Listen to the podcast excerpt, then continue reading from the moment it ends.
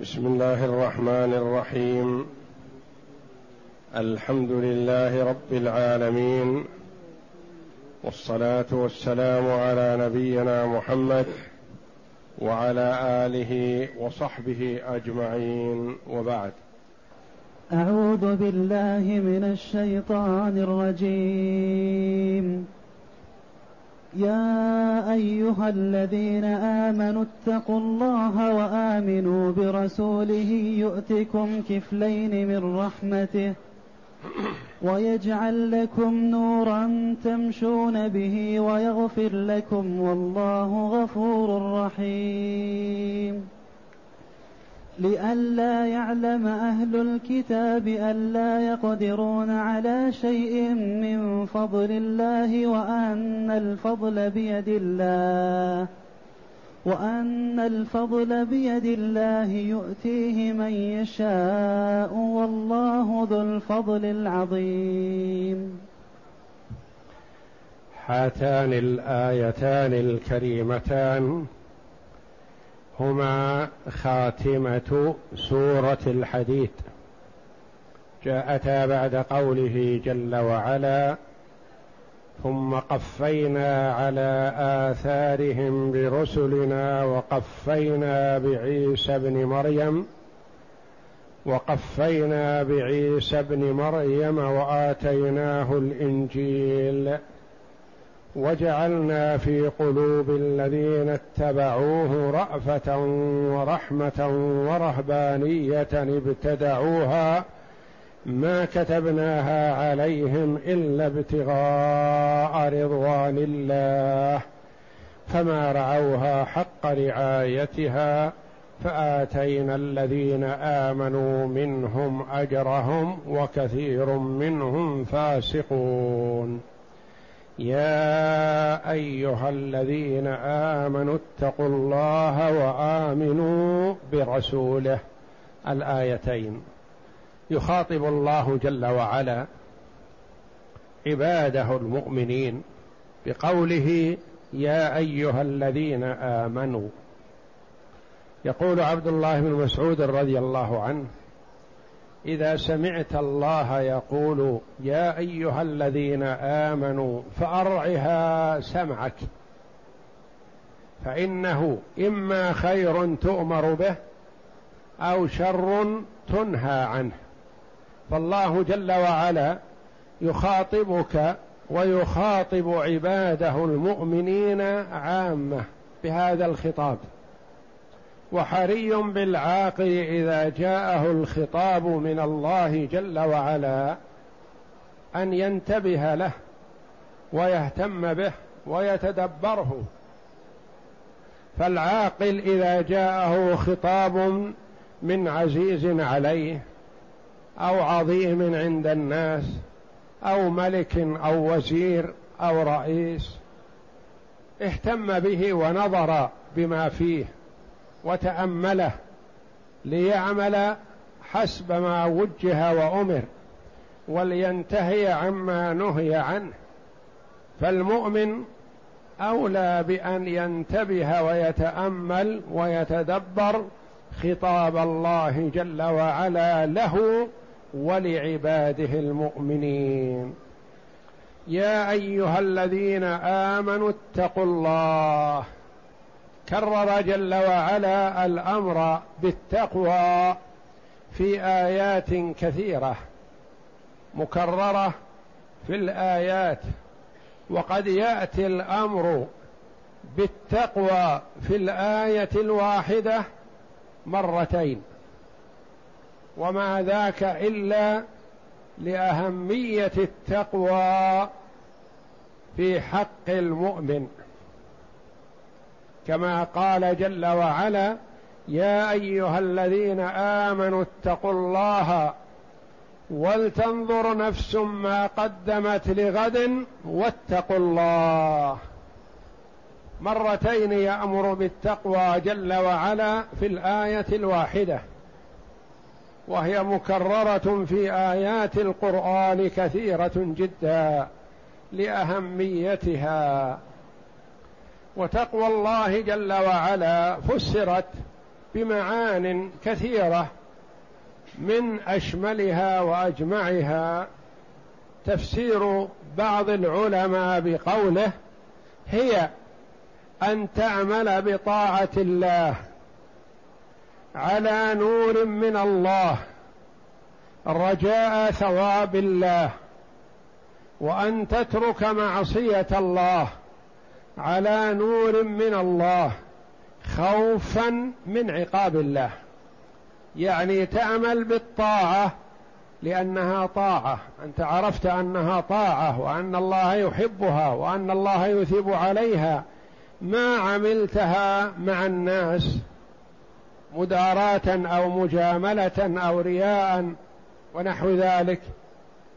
ولا عملتها حياء من الناس. ولا رجاء لمدحهم وثنائهم وإنما عملت الطاعة لأنك تعرف أنها طاعة لله وأن الله يحبها وأنت حينما تعمل ترجو ثوابها. تستحضر بقلبك رجاء الثواب رجاء ثواب الله. وأن تترك معصية الله على نور من الله. يعني تركت هذه المعصية لأنك تعرف أنها معصية. ولا يليق بك أن تقدم عليها وهي معصية. فتركتها لقبحها لأنها معصية. على نور من الله خوفا من عقاب الله. تركتها لأنك تعلم أنك إن وقعت فيها فأنت معرض لسخط الله وعقابه فأنت تركتها لله جل وعلا. وبهذا تنال الثواب وتكتب لك تركك للسيئة بعد قدرتك عليها حسنة كاملة. أن تترك معصية الله على نور من الله خوفا من عقاب الله. تتركها خائف من عقاب الله. لا خوفا من السلطان ولا خوفا من الأبوين ولا خوفا من أولي الأمر أو الهيئة أو غير ذلك وإنما تركتها خوفا من الله جل وعلا. بهذا يكون العبد اتقى الله. وجعل بينه وبين سخط الله وقاية. يا أيها الذين آمنوا اتقوا الله وآمنوا برسوله. اتقوا الله وآمنوا بالرسول. صدقوا وأطيعوا وتابعوا. آمنوا برسوله. أما كون العبد قد يدعي تقوى الله كما يفعل بعض النصارى وبعض اليهود يقول أنا مؤمن وأنا أخاف الله وأنا أعبد الله لكن الرسول محمد للعرب. الرسول محمد ليس لنا لكم. فهذا ليس بإيمان. والله جل وعلا نسخ الأديان كلها بعد بعثة محمد صلى الله عليه وسلم. والله جل وعلا يقول خطابا للخلق وما آتاكم الرسول فخذوه وما نهاكم عنه فانتهوا. وهو رسول إلى الثقلين الجن والإنس. الأنبياء السابقون عليهم الصلاة والسلام يبعثون إلى أممهم. وقد يكون في الزمن الواحد نبيان نبي لهؤلاء ونبي لهؤلاء.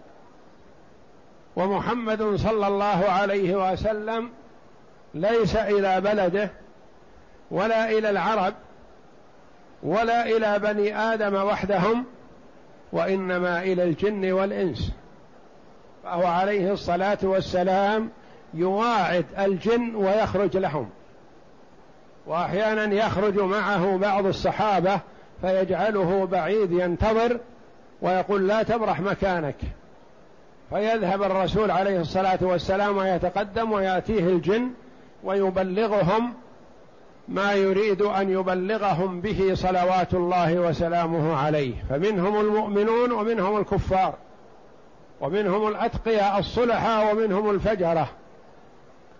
فيهم الصحابي حينما يسمع اللغط حول النبي صلى الله عليه وسلم أن يذهب إليه لكنهم لعظم أمر الرسول صلى الله عليه وسلم عندهم يبقى مكانه. ما يذهب للرسول عليه الصلاة والسلام لأن الرسول قال له لا تبرح مكانك وفي نيته أنه يجلس في هذا المكان لو جلس فيه أياما حتى ياتيه النبي صلى الله عليه وسلم. فهو عليه الصلاة والسلام مرسل إلى الثقلين الجن والإنس. ويقول عليه الصلاة والسلام والله لا يسمع بي يهودي ولا نصراني ثم لا يؤمن بي إلا كان من أهل النار. يا أيها الذين آمنوا اتقوا الله وآمنوا برسوله برسوله محمد صلى الله عليه وسلم. يؤتكم كفلين من رحمته. يعطيكم ويثيبكم على هذا كفلين. نصيبين عظيمين ضخمين من رحمة الله جل وعلا بسبب إيمانكم بسبب تقواكم لله وإيمانكم برسوله صلى الله عليه وسلم.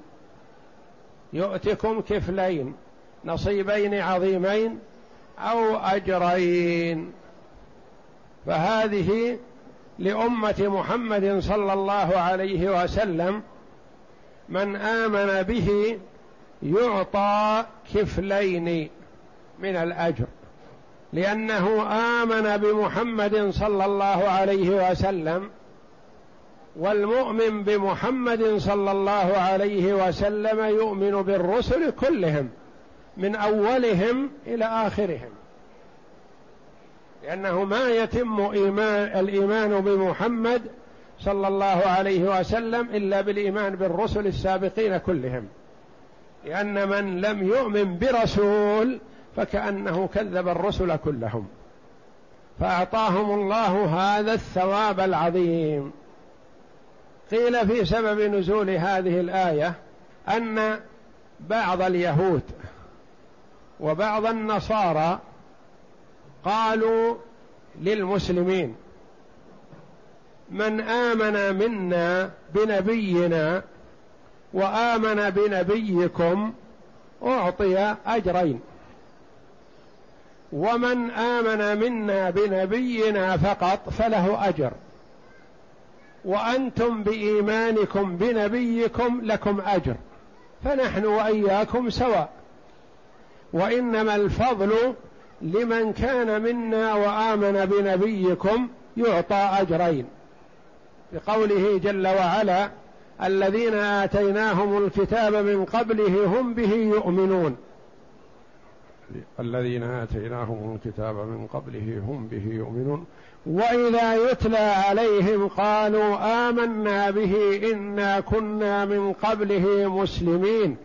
أولئك يؤتون أجرهم مرتين بما صبروا ويدرؤون بالحسنة السيئة ومما رزقناهم ينفقون. هذه في أهل الكتاب. الذين آتيناهم الكتاب من قبله هم به يؤمنون. وإذا يتلى عليهم قالوا آمنا به إنا كنا من قبله مسلمين. أولئك يؤتون أجرهم مرتين. بما صبروا ويدرؤون بالحسنة السيئة ومما رزقناهم ينفقون. فقال من لم يؤمن من أهل الكتاب للمسلمين من آمن منا بنبينا وآمن بنبيكم يعني بهذه الآية فله أجران. يؤتون أجرهم مرتين. أولئك يؤتون أجرهم مرتين بما صبروا. الآيتين أو الثلاث الآيات التي في سورة القصص. ومن لم يؤمن بنبيكم منا له أجر. وأنتم لكم أجر. فنحن وإياكم سواء. فأنزل الله جل وعلا ردا عليهم بقوله يا أيها الذين آمنوا اتقوا الله وآمنوا برسوله يؤتكم كفلين من رحمته.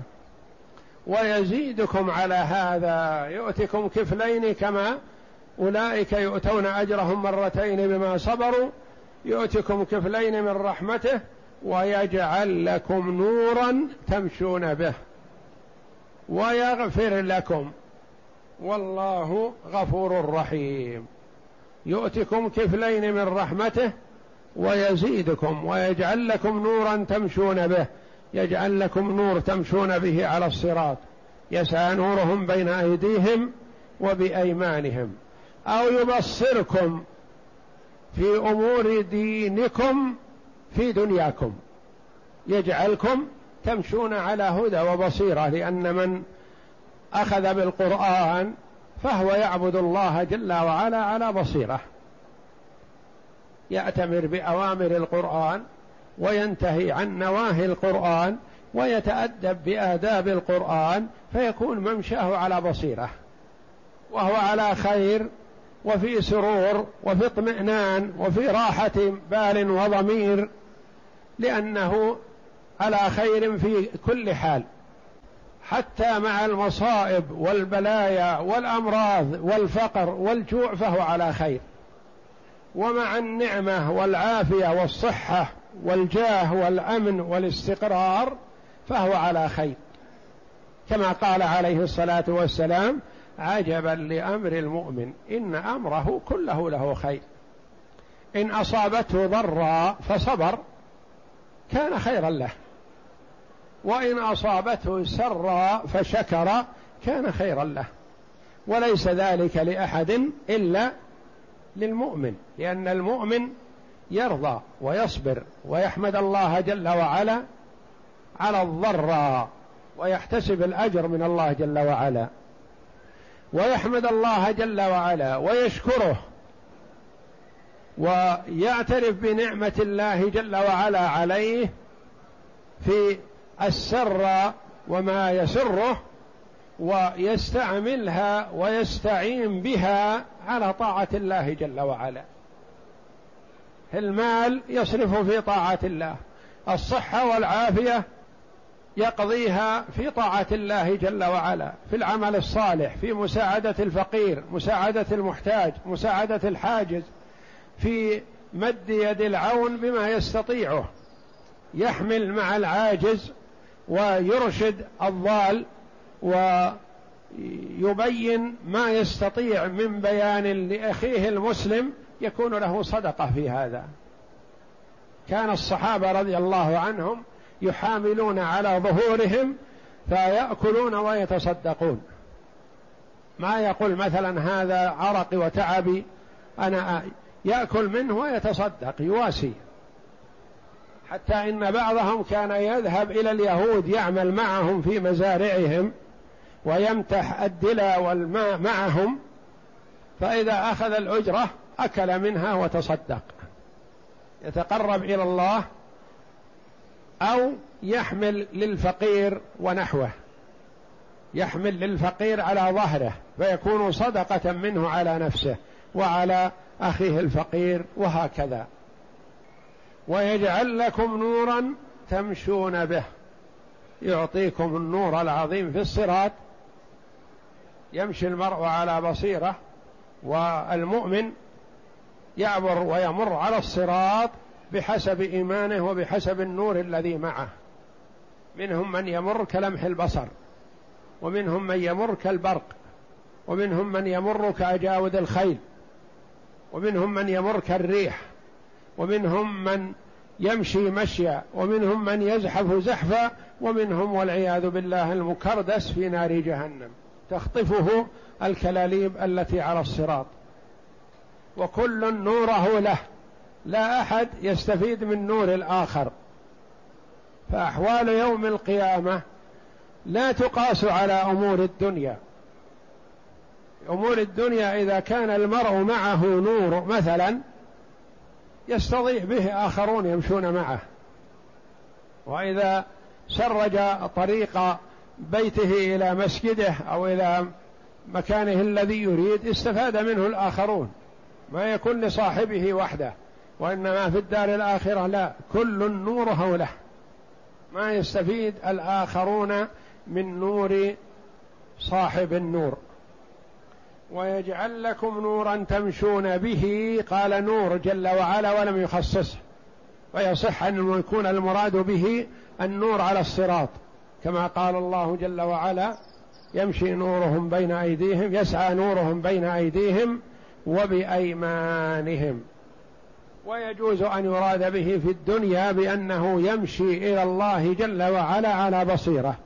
يعرف كيف يصلي يعرف كيف يصوم يعرف كيف يعامل الناس يعرف كيف يتصدق يعرف كيف يأكل كيف يشرب كيف يمشي كيف يخاطب الآخرين وهكذا يكون على بصيرة وعلى هدي. ويجعل لكم نورا تمشون به ويغفر لكم. يغفر لكم ذنوبكم لأن المؤمن وإن كان قوي الإيمان ثابت الإيمان إلا أنه قد يحصل منه خطأ فهو في حاجة إلى مغفرة الذنوب. فالله جل وعلا وعد من حصل منه خطأ أو تقصير أو تقديم لما هو أقل وتركا في الأعلى مثلا كما قيل إن مثلا ترك الأولى يستغفر له الرجل الصالح لأنه كان المفروض منه أن يعمل كذا فعمل كذا وكلاهما صحيح لكن الأولى أفضل وأعظم أجرا فترك الأعظم أجرا لما دونه فهذا يستغفر له الرجل الصالح فيغفر الله جل وعلا له ويعطيه ثواب الأعلى بمنه وكرمه. ويجعل لكم نورا تمشون به ويغفر لكم. والله غفور رحيم. هو جل وعلا موصوف ومسمى فاسمه الغفور وصفته غفران الذنوب جل وعلا لعباده المؤمنين وهو رحيم. فهو جل وعلا موصوف بصفات الكمال منزه عن صفات النقص والعيب. وأهل السنة والجماعة يؤمنون بأسماء الله وصفاته ويعتقدون معناها ولا يبحثون ولا يسألون عن كيفيتها. فالمعنى معلوم والكيف مجهول لأن الله جل وعلا هو الذي يعلم كيفية صفته. أما العباد فلا يعلمون ذلك وهذا مما استأثر الله جل وعلا بعلمه. ويغفر لكم والله غفور رحيم. وقيل إن هذه الآية يا أيها الذين آمنوا يا أيها الذين آمنوا اتقوا الله وآمنوا برسوله في أهل الكتاب. لما زعموا أنهم مؤمنون. وقالوا نحن مؤمنون. قال اليهود نحن مؤمنون بموسى وقال النصارى نحن مؤمنون بعيسى فلا حاجة بنا إلى أن نؤمن بمحمد. خاطبهم الله جل وعلا بقوله يا أيها الذين آمنوا اتقوا الله وآمنوا برسوله لأنه ما بعث الله رسولا قبل محمد إلا وكان يقول لقومه إن بعث محمد وأنتم أحياء فآمنوا به. يوصي قومه بالإيمان بمحمد صلى الله عليه وسلم. يقول تعالى يا أيها الذين آمنوا إن يا أيها الذين آمنوا اتقوا الله وآمنوا برسوله يؤتكم كفلين من رحمته ويجعل لكم نورا تمشون به ويغفر لكم. والله غفور رحيم. قد تقدم في رواية النسائي عن ابن عباس أنه حمل هذه الآية على مؤمن أهل الكتاب وأنهم يؤتون أجرهم مرتين كما في الآية التي في القصص وكما في حديث الشعبي أولئك يؤتون أجرهم مرتين بما صبروا ويدرعون بالحسنة السيئة ومما رزقناهم ينفقون في سورة القصص. نعم كما في حديث الشعبي عن أبي بردة عن أبي موسى الأشعري قال قال رسول الله صلى الله عليه وسلم ثلاثة يؤتون أجرهم مرتين. ثلاثة ثلاثة أصناف وليسوا بثلاثة أشخاص وإنما ثلاثة أصناف. نعم. رجل من أهل الكتاب آمن بنبيه وآمن بي فله أجران. رجل من أهل الكتاب يعني من اليهود والنصارى.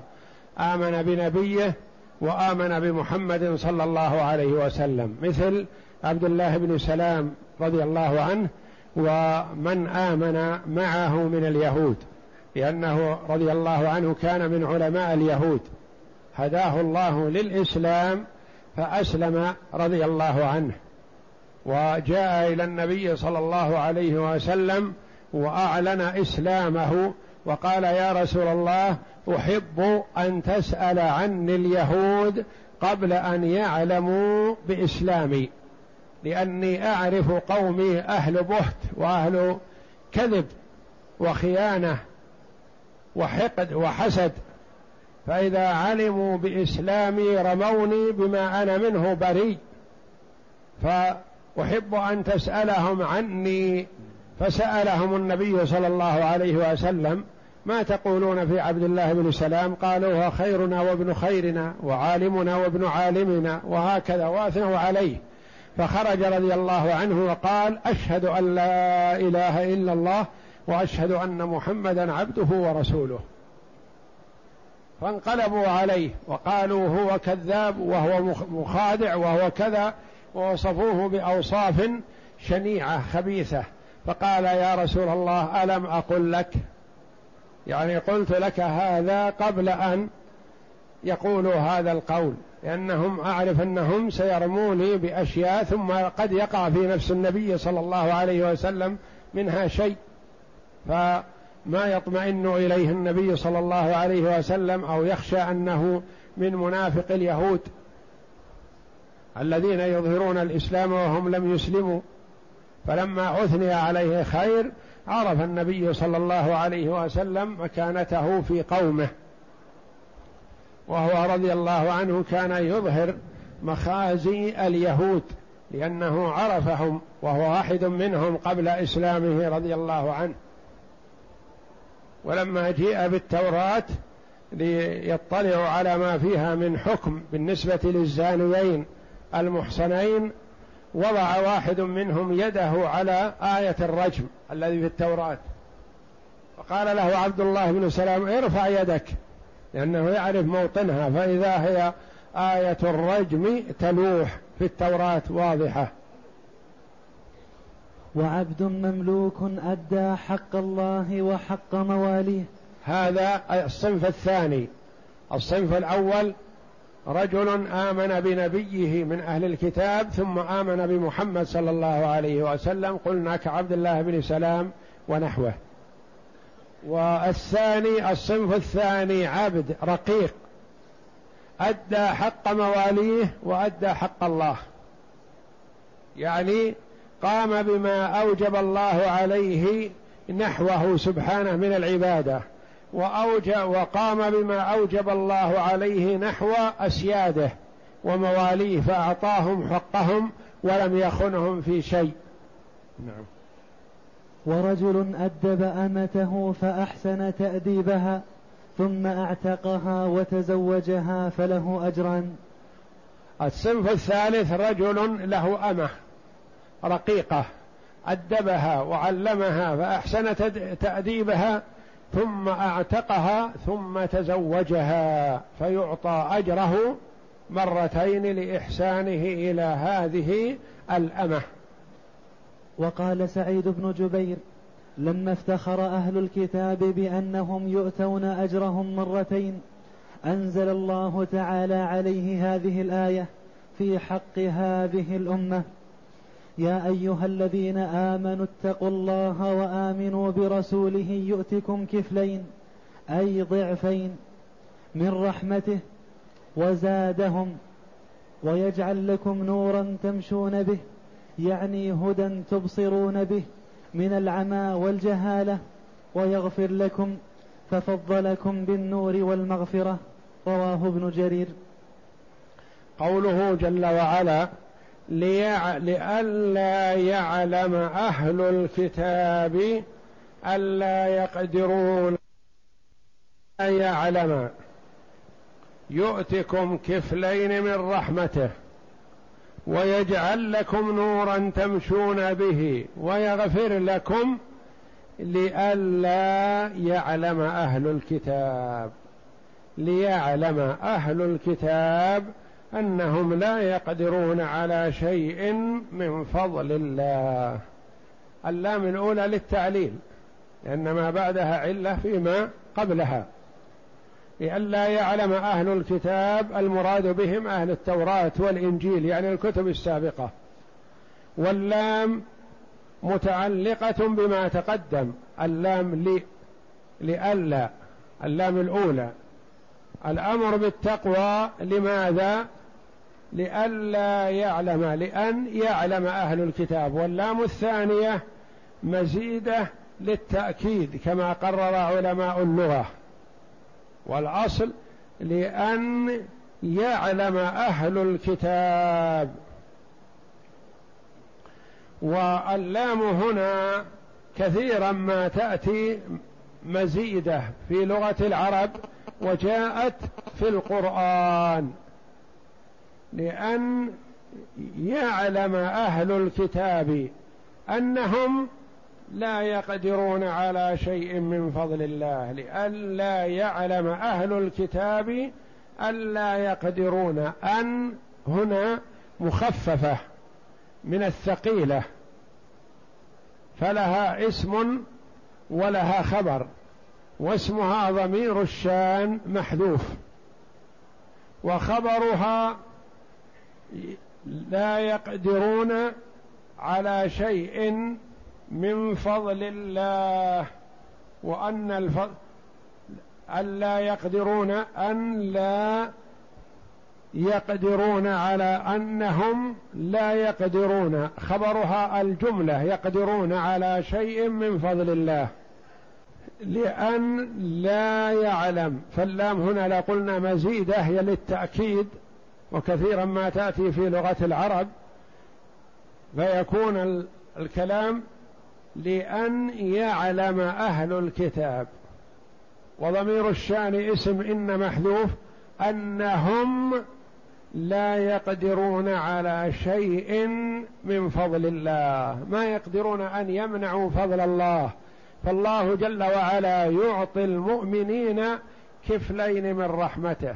يعطيهم العطاء الجزيل وأهل الكتاب لا يقدرون أن يمنعوا شيئا من فضل الله ولا يقف في طريقه لأن ما أراده الله جل وعلا فلا راد له.